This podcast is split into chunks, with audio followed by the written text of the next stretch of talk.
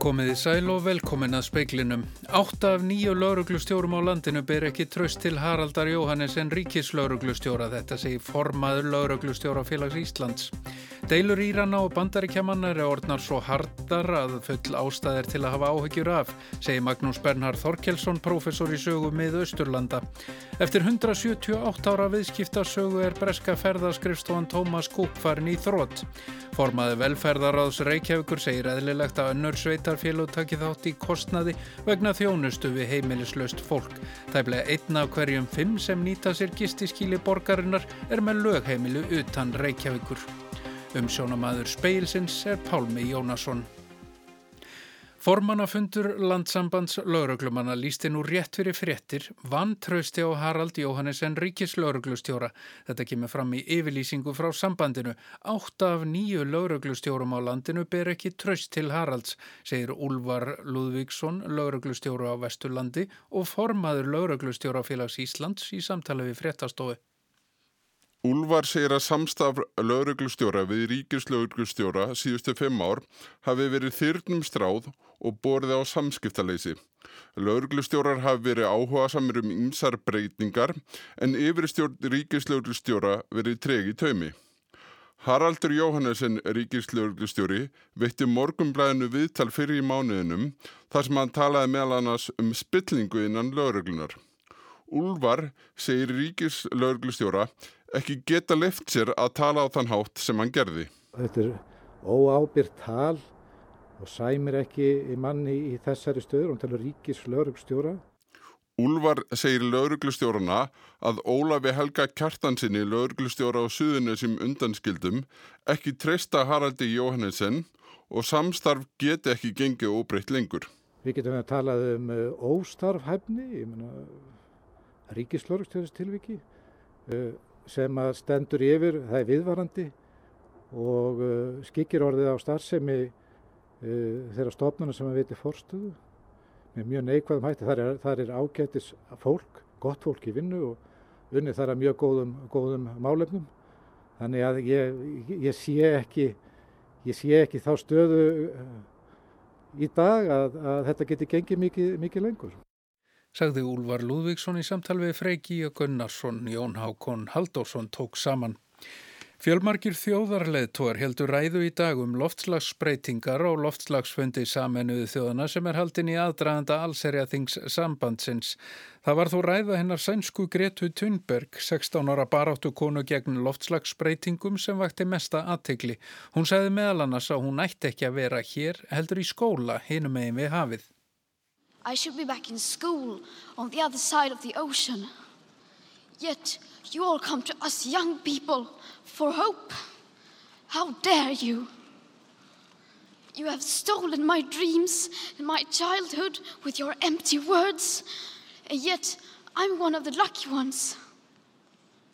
People are suffering, people are dying, entire ecosystems are collapsing.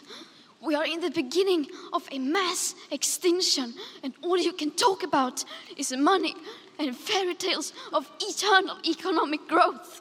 How dare you?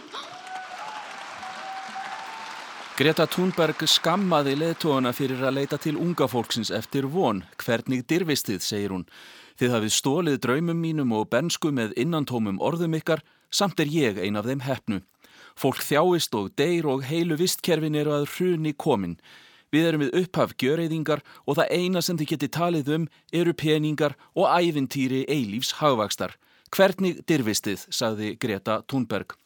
Hún sagði jafnframt að ef að áhrifin yrðu óaftur kræf vegna loftslagsbreytinga, yrði ráðamönnum aldrei fyrirgefið.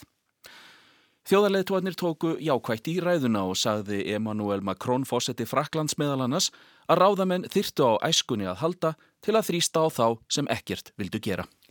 Hallgrímur Indriðarsson sagði frá. Katrín Jakobsdóttir forsætisráð þeirra sagði í ræðisuna á fundinum að það væri engin vafi á því að það væri neyðar ástand í loftslagsmálum og að loftslagsváin sé okn við siðmenninguna. Urgency is the key theme in this Climate Action Summit, and make no mistake about it, we are really facing a planetary emergency.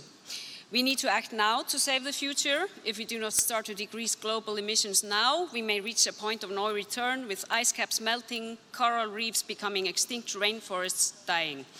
It is not an exaggeration to say that this catastrophic climate change is a threat to civilization and humanity. Bregðastarfi strax ef tryggja á komandi kynnslóðum öruga framtíð ef ekki verður dreyið úr losun strax sjáum við jökla bráðuna, kólarif, deyja og skóa hverfa. Enga ríkjur er á loftslagsváin sé ógn við siðmenningu og mankin, saði Katrín Jakobsdóttir í ræðu sinni í dag. Yfirlýsingar Írana annarsvegar og bandaríkjaman og breyta hinsvegar vegna dróna árásarinnar á oljurhinsi stöðina í Sáti-Arabíu er orðnar svo harðar að fulla ástæðir til að hafa áhyggjur af. Þetta segir Magnús Bernhard Þorkelsson, professor í sögu mið Östurlanda í Williams Háskóla í bandaríkjunum. Hann segir hugsanlegt að Íranir eigi söka á árásinni.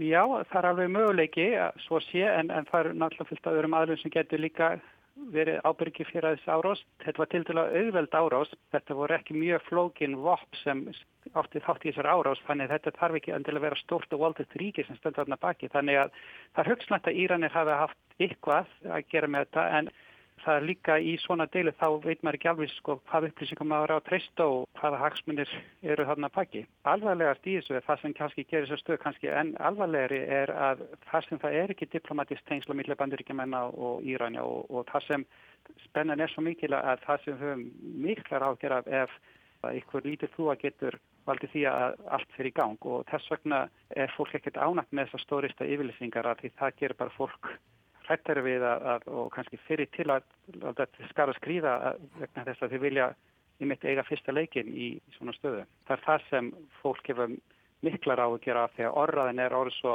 mikil og, og staðin er svo, svo vikvæm. Sæði Magnús Bernhard Þorkelsson í síteis útvarpi Rásar 2. Að minnst ákosti 20 liggja í valnum eftir blóðuar óerðir í dag í Papúa í Indonésiu. Týjir særðust, mótmælt er kynþátt að meisrætti og þess krafist að hér aði verði sjálfstætt. Óerðirnar í Papúa hafa staðið í nokkrar vikur. Indonesiskar öryggisveitir eru sakaður um gróf mannrettindabrót og kynþátt að meisrætti gegn hér aðsbúum. Kvögt var í stjórnstíslubyggingu í dag í borginni Vamena og nokkrum húsum til viðbótar. Talsmaður Hersins segir að flestir hinn að látnu hafi brunnið inni. Hann telur að enn fleiri í eftir að finnast látnir þar sem hópur fólks hafi lokast inn í söluturni í borginni. 300 voru handteknir í óverðunum í dag. Papua hérað er á eiginni nýju gíneu og var hluti af hollensku nýju gíneu fram á sjönda áratugin. Íbúarnir ætluðu að lýsa yfir sjálfstæði en voru ofurliði bornir af indonesiska hernum. Síðan hefur oft verið enn til mótmæla gegn ofriki yfirvalda og krafist sjálfstæðis. Andófið hefur jafnan verið barið nýður með harðri hendi. Ásker Tómasson sagði frá. Mikill meiri hluti íbúa minni byggða kjarna er aðfluttur svo helsta ástæða þess að fjölskyldu fólk flytur er skortur og tækifærum barna til mentunar. Þetta er meðal niðurstaðna rannsóknar á vegum byggðastofnunar um byggðafestu og búferðlaflutninga. Rannsóknin nær til byggðakjarna á Íslandi með 2000 íbúa eða færri. Þórótur Bjarnason stýrir rannsókninni. Hann segir það aðteglisvert að 85% höfðu eitthvað tíma búið annar staðar. Þetta týðir það að eru nánast allir aðfluttir og þess vegna svona þessi umræðan um það hvað getur við gert að halda fólkin á staðinum eða komið vekk fyrir að unga fólki flítið eitthvað slikt. Hún er kannski ákveðinu miskinningi byggð því að það kannski, það getur ekki verið markmið og það er ekki það sem að minni staðir hefur við að klíma, það er hitt hversu gott er að flytja til þar. Húsnæði, atvinnutækifæri og nánd við fjölskyldu eru mikilvægir þættir í ákverðunum að flytjast ekki búferlum. Þá vega tækifæri barna þingst sem ástæða fyrir því að fjölskyldu fólk flytur brott. Stærsta einstaka aðræðið fyrir barnafjölskyldur eru tækifæri barna til mentunar. Það er sterkara heldur en atvinnutækifæri eitthvað, slikt og fjölbreytt íþrátt og tómsundastarf kemur líka út sem eitthvað sterkust þáttunum sagði Þórótur Bjarnason, professor í félagsfræðin við Háskólan á Akureyri. Elsa Maria Guðlaug Strífudóttir talaði við hann. 9.000 manns í Breitlandi missa vinnuna í viðbót við 11.000 starfsmenn Erlendis nú þegar ferðaskrifstofan Thomas Cook er gældþrótta. Stærsta aðgerð á friðartímum til að fljúa farþegum aftur til Breitlands er í gangi alls 150.000 manns sem þarf að flytja heim til Breitlands með tilhærandi kostnaði hins opimbera. En gældþrótti vekur líka spurningar um eftirlit ríkisins með flugfélögum og ferðaskrifstofum. Síðan með íslenskum augum var ferlið allt kunnulegt. Það voru vangaveltur um hvort Thomas Cook ferðarskristóan væri kannski að fara í þrótt, ætti fólk að vera að bóka ferðir þar. Og svo komu fréttinnar um gjaldþróttið og undirbúnar aðgerði ríkistjórnarinnar að fljúa heim næstu tvær vikur, samtals 150.000 manns úti af vegum Cook. Höstu 2017 var kostnæður Breska ríkisins af heimflutningi 90.000 farþega Breska flugfélagsins Monarch 50 miljónur punta. Nú má búast við tvöföldum þeim kostnæði. Og það lætur líka kunnulega íslenskum eirum að já, það voru vangaveltur um hvort Breska ríkið ætti að bjarga kúk, svona til að forða viðskiptavinu frá tjóni, halda uppi frambóði í ferðageiranum og forða áfalli fyrir starfsfólk og fyrir fyrirtæki sem þjónusta kúk. Líka byggðamál, flugvöllurinn í Manchester, likil völlur kúk. En nei, Breska ríkið hljóp ekki undir bakka, meðal annars við það þótti sínt að er 200 miljónir punta sem kúk var sagt vanta, myndu aðeins leikja líf félagsins í takmarkaðan tíma, ekki komaði á réttan kjöl. Saga kúk ferðarskipstofunar er samofinn sögu ferðalaga í Breitlandi.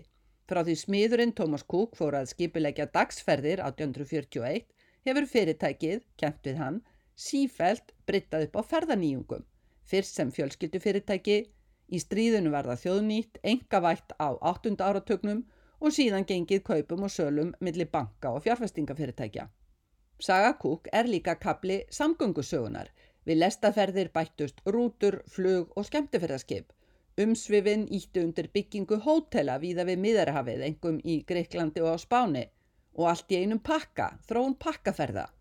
Árið 1993 hóf Cook rekstur flugfélags með nafnið málað stóru letri á vélarnar. Wherever you're going to, make sure you go to Thomas Cook first. Sjómasauðlýsingarnar og auðlýsingabæklingar Cooks eru nánast liður í þjóðarvitund bretta. Þetta að ilja sér á veturna með bæklingin til að skipulegja pakkaferð sumarsins. Strax 1997 var komin Cook vefsíða en félagið í farabróti nýjunga á árum áður misti einhvern veginn fótana á netinu. Nettæknikúks bara tilt sér svona utan á baklingana, æg fleiri skrifstofur, alls 560 talsins og æg fleira starfsfólk, alls 21.000 manns heima og heiman. Lágjaldaflugfélagin kræktu í farþega sem stikkjuðu sínum ferðum saman á netinu. Í þessu samkeppnisumhverfi er hagnaður á hvert viðskiptavinn hverfandi svo þau þurfti gríðarlega marga viðskiptavinni til að umsugin borguðu sig. Í viðbót eiti Cook stórum fólkum í að kaupa og byggja neð dótturfélaga. Skuldirnar hækkuðu meira en veldan bar. Á síðustu misserum hefur svo Brexit-bastlið haft áhrif. Viðskiptavinnir híkandi í óvissu árferði og verðhækkanir vegna fallandi punds bæt ekki skák. Brexit er nýlegur vandi en allt hitt hefur verið auðsætt undan farin mörg ár. Þegar árið 2011 voru skuldirnar sligandi en þá rétt tóst að bjarga kúk fyrir horn. Nú í mars var skrifstofum lokað með tilherandi uppsögnum í hægraðingaskinni og aukin áhersla á vefin. Of lítið og of seint, tapið hrannaðist upp. Og já, fjárfestar hafði mist trúna á félagið og í nótt fór sem fór. Í dag kom tilkynning forstjórans Peter Fankhauser um að þrátt fyrir mikla viðleitni í marga mánuð og ekki síst undarfarnar daga hefði ekki tekið samningar um að bjarga félaginu. Despite huge efforts over a number of months and further intense negotiations in recent days, we have not been able to secure a deal to save our business. Nú þegar Cook er komið í þrótt vekja fréttir breskra fjölmiðla um ofurlaun forstjórans mikla reyði samsvarar 1,2 miljardum króna undan farin þrjú ár. Viðskiptavinnir sitja uppi með óvissu og ofta tíðum tap. Þeim sem þegar eru úti er flóið heim, þeim að kostnæðarlausu og tryggt að fólk þurfi ekki að borga meir fyrir gistingu í yfirstandandi pakkaferðum. Bókaðar pakkaferðir fást endugreitar. Engin endugreisla fyrir flugbókanir einar saman nema viðskiptavinnir hafi eigin tryggingu. Kukk var umsöga mikill ferðamiðlari, til dæmis fyrir skemmtaferðarskip, engin endugreisla þar frá Cook og hún háði hvað stendur í smáaletri sölusamningsins við þriði aðila. 150.000 manns hafa fengið óvænt áhyggjuefni í fersinni, 800.000 hugleiða hvernig farið með greittar en ófarnar ferðir og við Breska ríkinu blasa óvand útgjöld upp á alltaf 100 miljónum punta. Ekki fyrir það þó þessar síðustu ófærir í ferðageiranum veki umræður um hvernig eigi að haga eftirliti með ferðarskristum og flugfjölugum til að forðast ofinber útgjöld af umsvifum yngagerans. Ekki síst að því fyrirtæki fer sjálfnast í þrótt upp úr þurru. Sigrun Davíðsdóttir sæði frá. Heiðabjörg Hilmisdóttir, borgarfulltrú og formaði velferðar ás Reykjavíkur segir eðlilegt að önnur sveitarfélug taki þátt í kostnaði vegna þjónustu við heimilislaust fólk. Tæflega einn af hverjum fimm sem nýta sér gistiskíli borgarinnar er með lögheimili utan Reykjavíkur. Heiða spyr hvort það sé sangjart að kostnaðurinn lendi alfarið á útsvarsgreðendum í Reykjavík.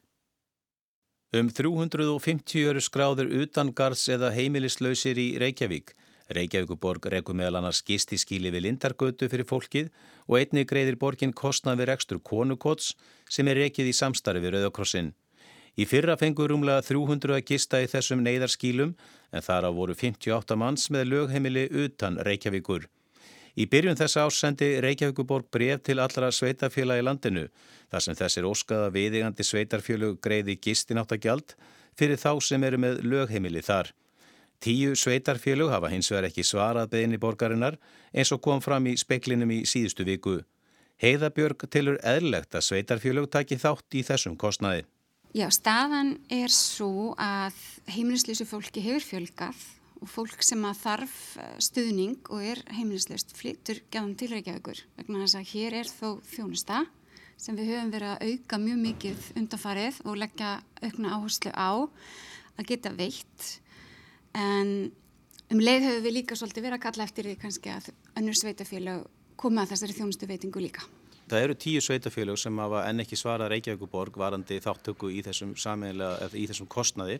Eh, Allir það bregðast eitthvað frekar við? Já, það, við munum bregðast frekar við. Við höfum ákveðið að þeim verður sendt aftur bref og svona hafa verið mynd á þetta Uh, og ég hef óskað eftir því sem fór með að velferðast líka bara að fá þá gögnin inn á rásfund hvaða sveitafílu eru sem, sem eru til í að taka þátt og koma í þetta með okkur og hvaða sveitafílu það eru sem ekki eru tilbúin til þess og það sé þá bara eitthvað sem við getum rætt og, og ástæður fyrir því því að þetta eru þetta skilda okkar samkvæmt lögum að veita okkar íbúum þessa þjónustu og öll sveitafílu hljóta þurfa að taka þátt í því. Ég getur borgin eh, sint þessari þjónustu án þess að önnu sveitafélag komi að? Við getum að sjálfsögja gert að við erum að gera það. Við erum að verja á þessu ári 1,2 miljardum í þjónustu við þennan hóp. En það kostar okkur og það er spurning hvort það er réttlátt að útsvarskveðundur í Reykjavík einir standi á baku þennan kostnað. Um, en við höfum sagt að því að okkur finnst mikilvægt að fólk sem er í þessari erfið aðstöð því það er engin heimilslaus að ganni sínu að það fólk fær þjónustu og við viljum standa vel að því en, en við hefum bæði rætt að við, við e, ráþöra og önnur sveitafjölu og okkur finnst mikilvægt að þetta verði, svona, þetta verði breyðari aðkoma að málinu og að þjónustunni. Félagsmálar á þeirra skipaði seint á síðasta ári stýrihóp til að fjallum vanda utangars fólks og komi tillugu til úrbóta. Heiða segist binda mikla voni við að stjórnvöld komi meira að þessu máli. Markmið okkar væri líka fleiri sveitafjölu byðu upp á svona þjónustu því okkur finnst það hefur hverki verið ákveð að það sé hlutverkar ekki okkur borgar að veita þessa þjónustu einverðungu fyrir allt landi og það væri mjög ákjósanlegt að það væri fleiri aðilar sem að byðu neyðarskíli, e, e, smáhísi, húsnæði fyrir fólk sem er í næstlu eða ekki þrýfst venju, venjulegar aðstæður. Og ég veit að akkurir er á einhvern nátt að gera þetta líka en það vantar og, og það kemur fólki jáfnvel í ennverri stöðu að þurfa að flytja úr sínusveitafélagi til Reykjavíkur og er í rauninni kannski enn einangraðara heldur en áður uh, út af þeim flutningi. Sæði heiða Björg Heilminsdóttir, borgarfulltrúi Höskuldur Kári Skram talaði við hana.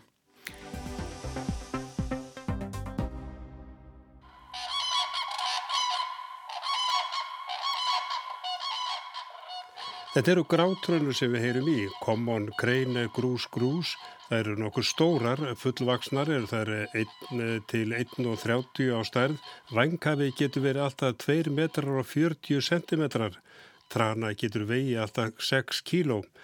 Þær eru með háværari fugglum og getur hljóð frá þeim borist um langan veg. Þú gæti rekist á grátrön á Íslandi en þær eru nokkuð stykkar. Frá 1968 eru heimildur um að hún hafi verið að flækjast hinga til lands og það er sérstilinnar víðsvegar um landið. En hvað er ekkur grátrönur til Íslands? Skarpi Engi Þóriðsson er heimdýra sérfræðingur hjá Náttúrústofa Östurlands, segir að það flækist oft hingafuglar, oft vegna sterkra vinda sem þeir lendi í. Trönunar komi kannski af öðrum ástæðum. Það er svona eðli kannski fugla og sérstaklega ungfugla sem er flakka með þeir eru ókynnsforska og, og kannan ný, ný land. Þannig ég rekna með þetta sé. Þannig kannski liður í því. Grátrönnur verða kynþróska á fjórða ári eða byrja þá fyrst að fjölga sér til að byrja með sáust stöku fugglar hér en nú er vitneskja um að grátrönnur hafi verði hér og komið upp ungum. Já, við urðum þess áskilja árið 2012 og þá var Sveitin Ingimarsson á gangi út á Hjörðarsandi og fældu þá upp grátrönnur unga og fljótlega flugu fullotnum fugglarnir upp og og það var í fyrsta sinn sem að, að gráðtræna vestur á Íslandi svo vilt að sé. Og sé hættan 2012 og síðan 2013 og þá kemur par aftur á sömu slóðir og um sömarið, um hausti að þá, þá sjáum við pari með einn unga. En er eitthvað sem bendir til þess að þessir fugglar sem hafa reynda sérstur austan að sé að koma hinga öðru sinn eða hafi þá komið hérna aftur og aftur? Uh, já, ég held að sé nokkuð örugt að, að fugglarnir sem að sáust 2012, þetta sé alltaf sögna fugglarnir sem er að koma. eins og tekt er hjá tegundum, fugglarnir sem að farfugglarnir þeir koma á vorin og, og, setja stað á sippuðu slóðum eða sömu slóðum að þeir sömdu ári áður. Eh. Síðan er náttúrulega sko er maður að vonast til þess að þeir unga sem að hafa aðvist upp út á hérastandi að þeir, þeir snúi aftur fræði þá jáfnvel með því sko. Það er þannig allavega hjá gæsum, ég held að sé þannig að trönum að er parast til lífstíð og síðan fer kvennfuglinn á varstöðarnar og, og kallfuglinn eftir. Þannig að það er jafnvel eitthvað sem þið þykir að ykkur finnst að bendi til þess að eh, já, gráðtrana getur svona sestað hér á Íslandi. Já, hún hefur sínt það nút frá þó hefur það nú skeið nokkur ára við þó við höfum séð fugglarna þá hafa það ekki verið með unga Þannig að, eh, og meðan þetta er bara eitt par kannski sem verpir af og til að þá er þetta náttúrulega eh, ekki orðið fast í hendi en, en við vonumst náttúrulega til þess að, að þeim fjölki og muni setja þarna af. En er fengur af því að fá trönur hinga til Íslands? Já, ég held að það sé flestur mæli með því, það er ekkert sem mæli gegn því, þetta er, það muni ekki leggjast á söðfjölandsins eða, eða herja á á held ég bændur, það er fara eitthvað á akra og, en tína aðalega upp held ég kott sem að leikur eftir, eða kartöblur.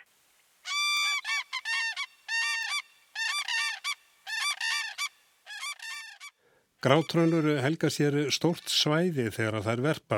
Það eru styggar og erfilega hefur gengið að sjá til þeirra. Trönur fella fjadrir og áhugin nú beinist að því að komast þá að þeim og merkja þeir jafnvel með senditæki. Skarpiði segir ekki ólíklegt að trönur fari hérna til Spánar eða Norðurhauta Afríku. Trönunar sáust í vor og sumar, Skarpiði sá til þeirra og líka samstarsmaður hans austur við selfljót en aðeins einn fuggl. Hef ég farin okkur sinnum, bæði gætt þess að leita og ég öðrum erinn gjörðum hann út eftir og, og aldrei reykist á þær. En séðan fréttu við í, í, hérna, júli af trönum sem voru sagt, uh, norður undir hlýðarfjallum fagru hlýðara. Við fórum þanga og þar voru trönur og bökkum fagru hlýðara og uh, ólíklegt að vera sömu trönurnar og við höfum séð það með sérfljóti og svo núna þá rekast menn á, á fjórafugla og það eru fullandum fugla, það er ekki svona stunga þannig að trönurnar á bökkum fagru hlýðara og hann með sérfljóti hafa líklega samennast hann á hérastandum fyrir, fyrir farflögið út.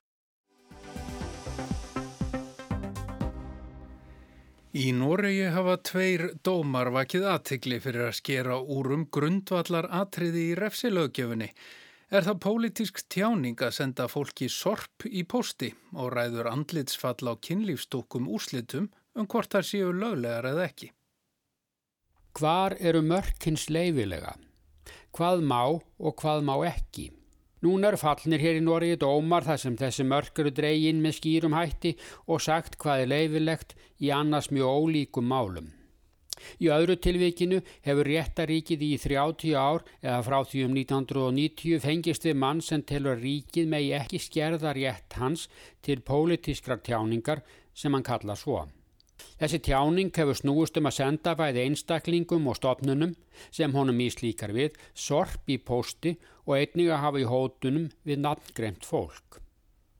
Hitt máli fjallar um mann okkur frá Finnmörku sem pantaði gegnum postverslum 21 kynlífstúku.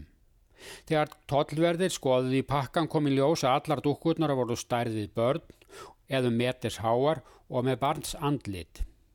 Þetta töldu yfirvöld brjóta gegn ákvæði refsilaga um bann við að sína myndir af börnum í kynferðislegum stellingum. Maðurinn neytaði sök og sagði ekki að lagi bann við kaupum á kynlífstúkum. Mál hans hefur farið í gegnum öll þrjú dómstig hér síðustu þrjú árin og nú er hæstur réttu staðfest að maðurinn er sekur og fær skilorðspundin dóm. Næst er að sjá hvort að mannréttenda dómstólinn í Strasburg er sammála hæstarétti. Mál þess sem sendt hefur sorp í posti og haft í hótunum kom fyrst fyrir dómstóla árið 1991. Þá fengur fjölmiðlamenn síkarettustupp og matarleifar í posti með upplýsingum um að sendanda líkaði ekki það sem sagt var eða skrifað. Einni sendan bref með hótunum og síðar þegar interneti náði almennri útbreyslu tóku hótanir þar við.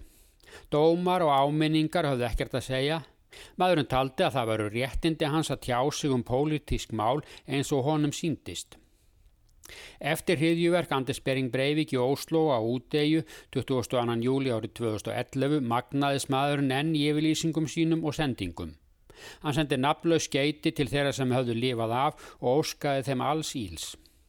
Einni bárust pakkar með sorpi á borgarbókasafnið fyrir hlutrækt val á bókum og til samtakana lækna án landamæra fyrir að hjálpa fólki í fjarlægum löndum. En nú er dómur fallin og hinn dæmdi verður að sitja inn í sex mánuði. Hann var komin langt yfir mörkins leifilega í pólitískri tjáningu. Mál mannsins með kynlífstúkurnar fjalla líka um mörkins leifilega þótt brot mannsins virðist ekki bitna á neinum öðrum og engum nema honum sjálfum. Samt komst hæstir réttur að því hann hefði farið yfir mörkins leifilega með því að kaupa og eiga kynlífstúkur sem væru eftirmyndir barna. Þetta mál hefur vakið aðtekli færustu lögmanna hér til lands og mikið lagt uppur að fá úr því skoarði hvort þetta mætti. Dómurinn hefur fordæmi skildi. Saksóknari hjælti fram að það veri útlið dukkana sem gerði það ólöglegt að eiga þær. Dukkurna liti út eins og börn og væru ætlaðar til kynlífsatafna. Þetta varðaði við grein nr. 311 í refsilögjöfunni en þar er sagt að refsi verðt sé að eiga myndir af börnum í kynferðislegum stellingum. Verjandi sagði hins vegar að slíkur dómur væri markleisa því aðeins þyrta að breyta andlitsfalli á dúkkonum og þá væri þau löglegar. Þá eru dúkkurnar ekki eftirmyndir af raunvörlugum börnum heldur tilbúningur framleiðandans. En á öllum dómstugum var niðurstaðan á sama veg, kynlífstúkkur eru ekki bannaðar nema þessu eftirmyndir barna og fyrir brotsitt fekk maðurinn frá Finnmörku 45 daga skilorspundið fangelsi. Gísli Kristjánsson í Oslo sæði frá. En það var helst í speiklinum að átta af nýju lauruglustjórum á landinu ber ekki tröst til Haraldar Jóhannesen ríkislauruglustjóra. Þetta segir formaður lauruglustjóra félags Íslands. Innblásin ræða hennar sænsku Gretu Thunberg 16 ára baráttu konu gegn loftslagsbreytingum vakti mesta aðtegli á loftslagsfundi samennuðu þjóðuna í dag. Katrín Jakobsdóttir forsætisráð þeirra sæði í ræðu sinna á fundinum að það væri engin vafi á því að það væri neyðar ástand í loftslagsmálum og að loftslagsváinn sé ókn við siðmenninguna. Deilur Írana og bandaríkjamanna eru orðnar svo harðar að full ástæðir til að hafa áhyggjur af, segir Magnús Bernard Þorkelsson, professor í sögu mið Östurlanda. Eftir 178 ára viðskiptasögu er breska ferðaskrifstofan Thomas Cook farin í þrótt og 20 fjallu og 20 særðust í óerðum í Papua hér að í Indonésiu í dag. Það er ekki fleira í speiklinum í dag, tæknum að það var Mark Eldredd, veriði sæl.